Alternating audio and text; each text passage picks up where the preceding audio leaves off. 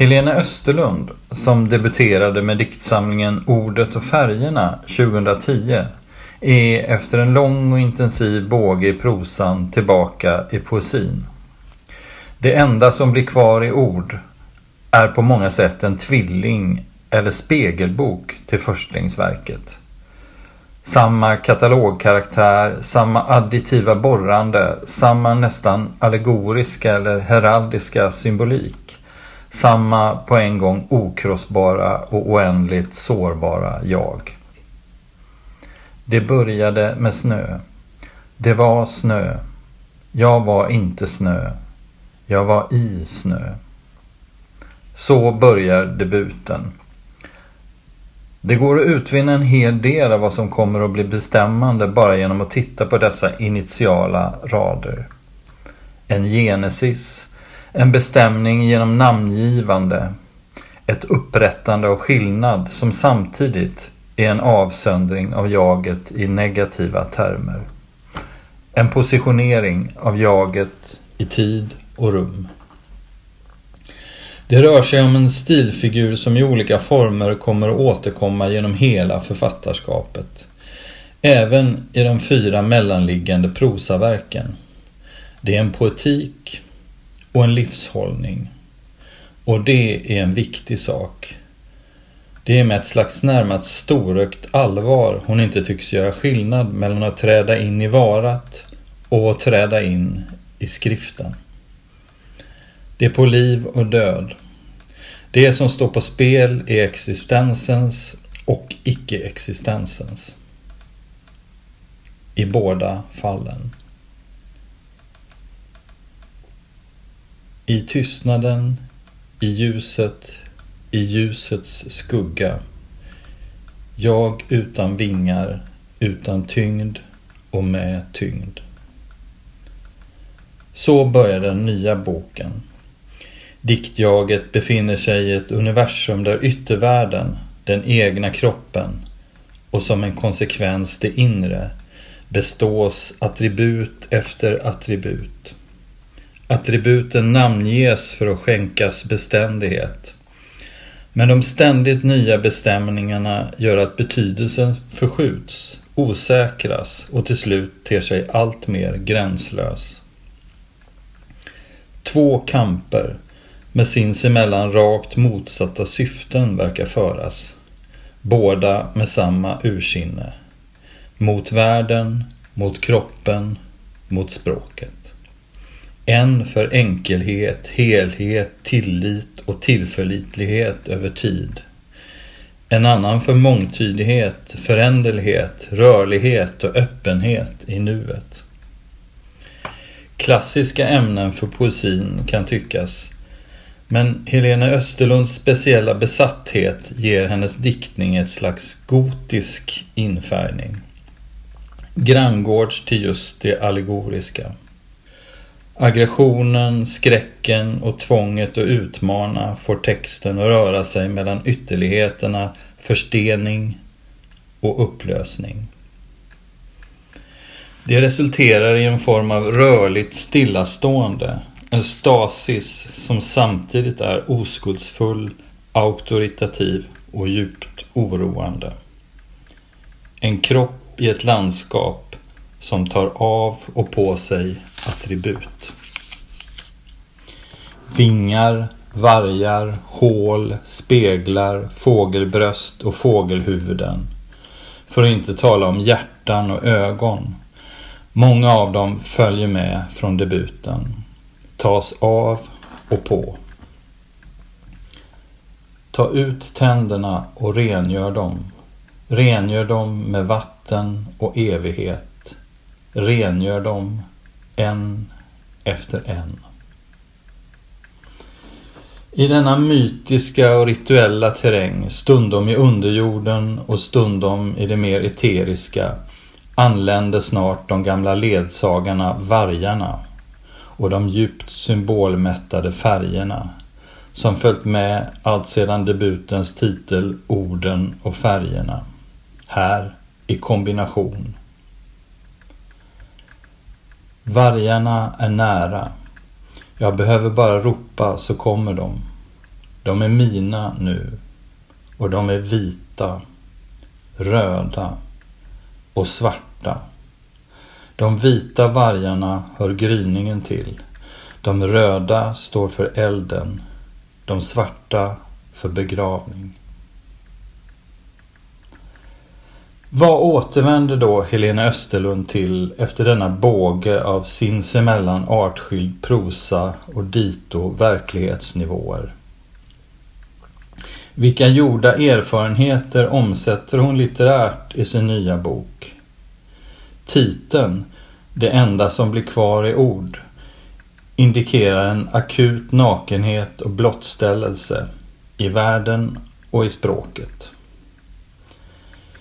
Diktsamlingen består av fyra delar. Den tycks som nämnts i mycket vara en spegling av och ett återvändande till debutens landskap. Men nu på ett visst avstånd i kronologin, livscykeln och skrivpraktiken. Texten är närmare nollpunkten och mindre upprepande, vilket tjänar verket. Hon tematiserar också mer av negativa former, ovisshet, upplösning. Vilket också är en kvalitet och ger läsaren luft och syre bland textsjoken. Här finns inte bara ljus, tystnad och vingar i den initiala och återkommande begynnelsen. Utan också citat det uråldriga gamla hålet slutcitat. Det är smutsigare och mer ovisst i singulariteten. Och till och med hjärtat blir så dubbeltydigt att ett hjärta av kött och blod låter sig anas ibland. I första delen bär jaget något. Citat. Ord är ändå inget annat än ord och deras tyngd är fasansfull. Slutcitat.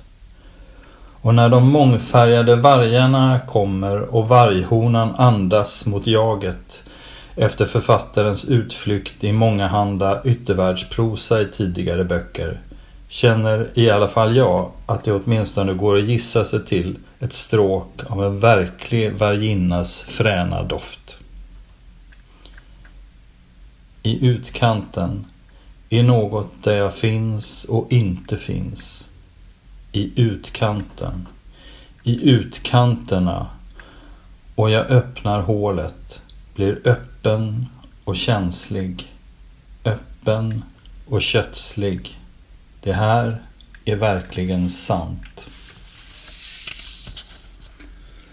Den andra delen är besvärjande.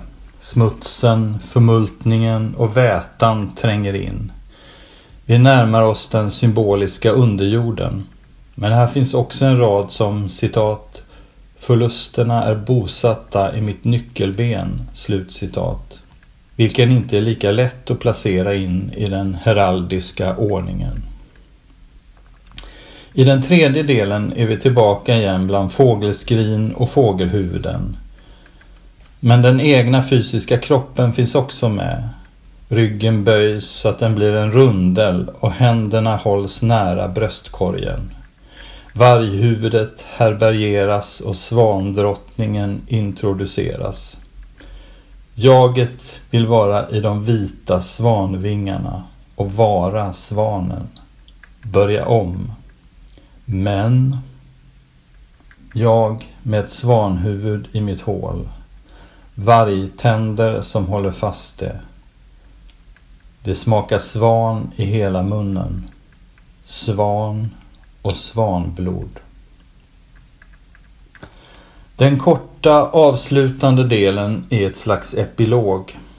Händerna lossnar, citat, helt utan ljud, slutcitat. Allt är stilla, en ny födelse, en blodig klump som visar sig vara vargtassar. Jaget, citat, står i världen och försöker bli till, slutcitat citat, vinglös och fylld av vingar. Slutcitat.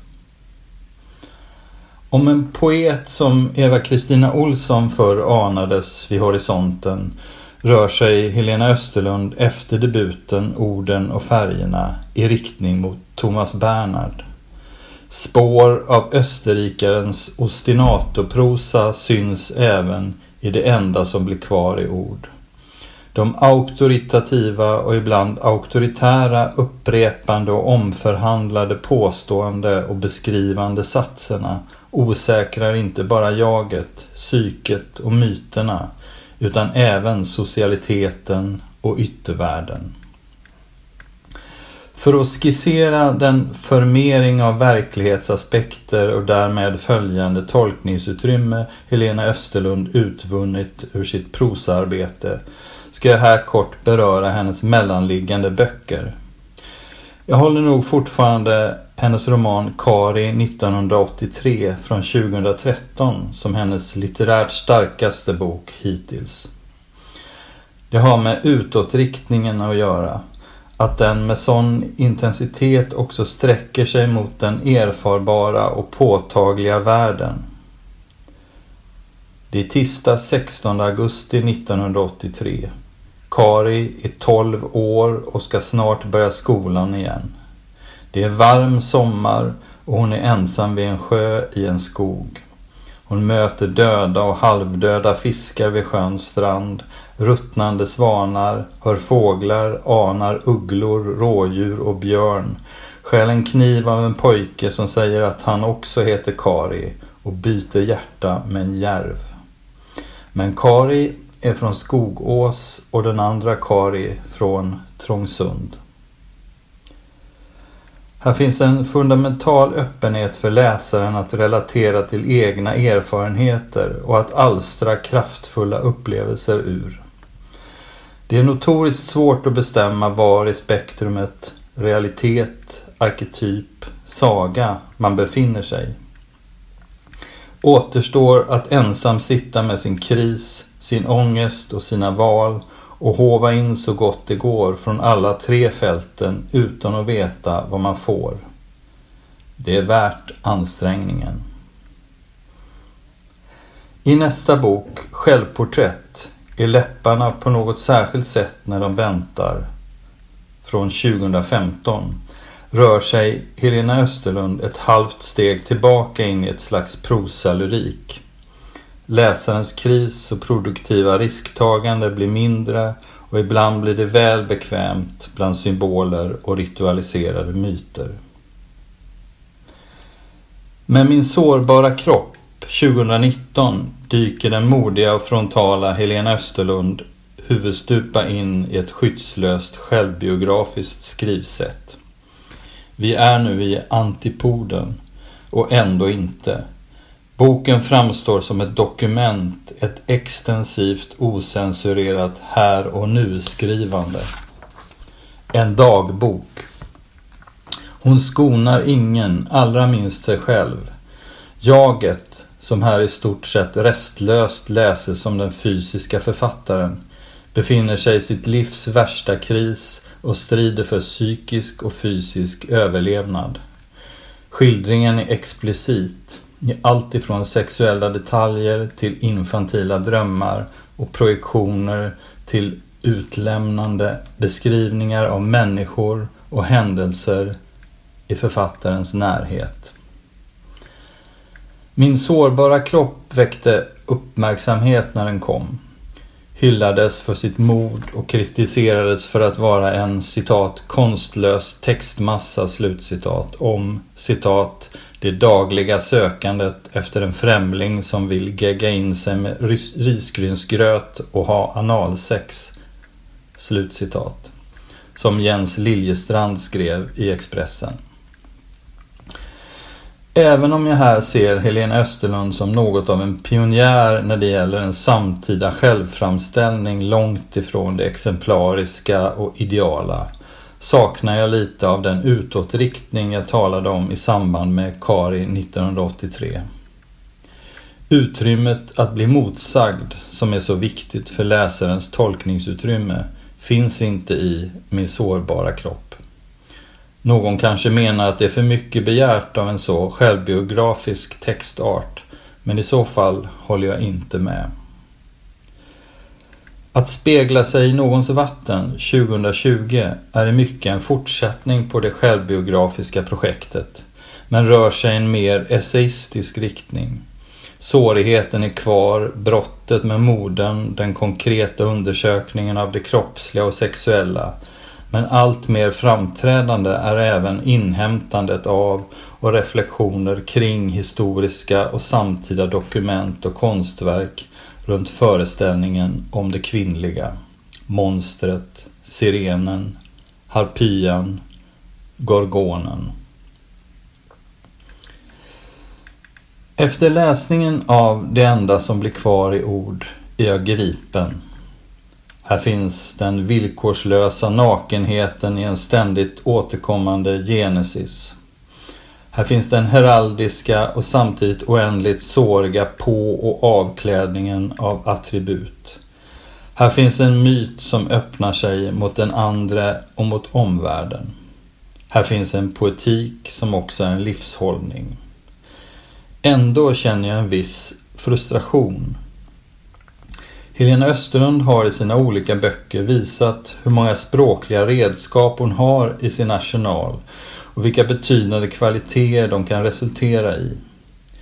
Jag skulle vilja att hon i högre grad bringade dessa textarter och verklighetsnivåer i kontakt med varandra.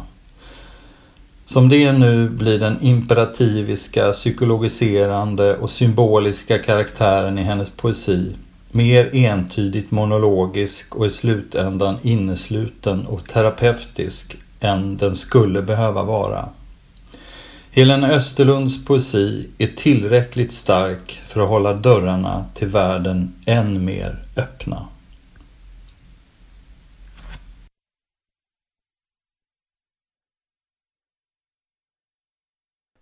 Den här recensionen är originalpublicerad på www.ornenochkrakan.se under ansvarigt utgivarskap.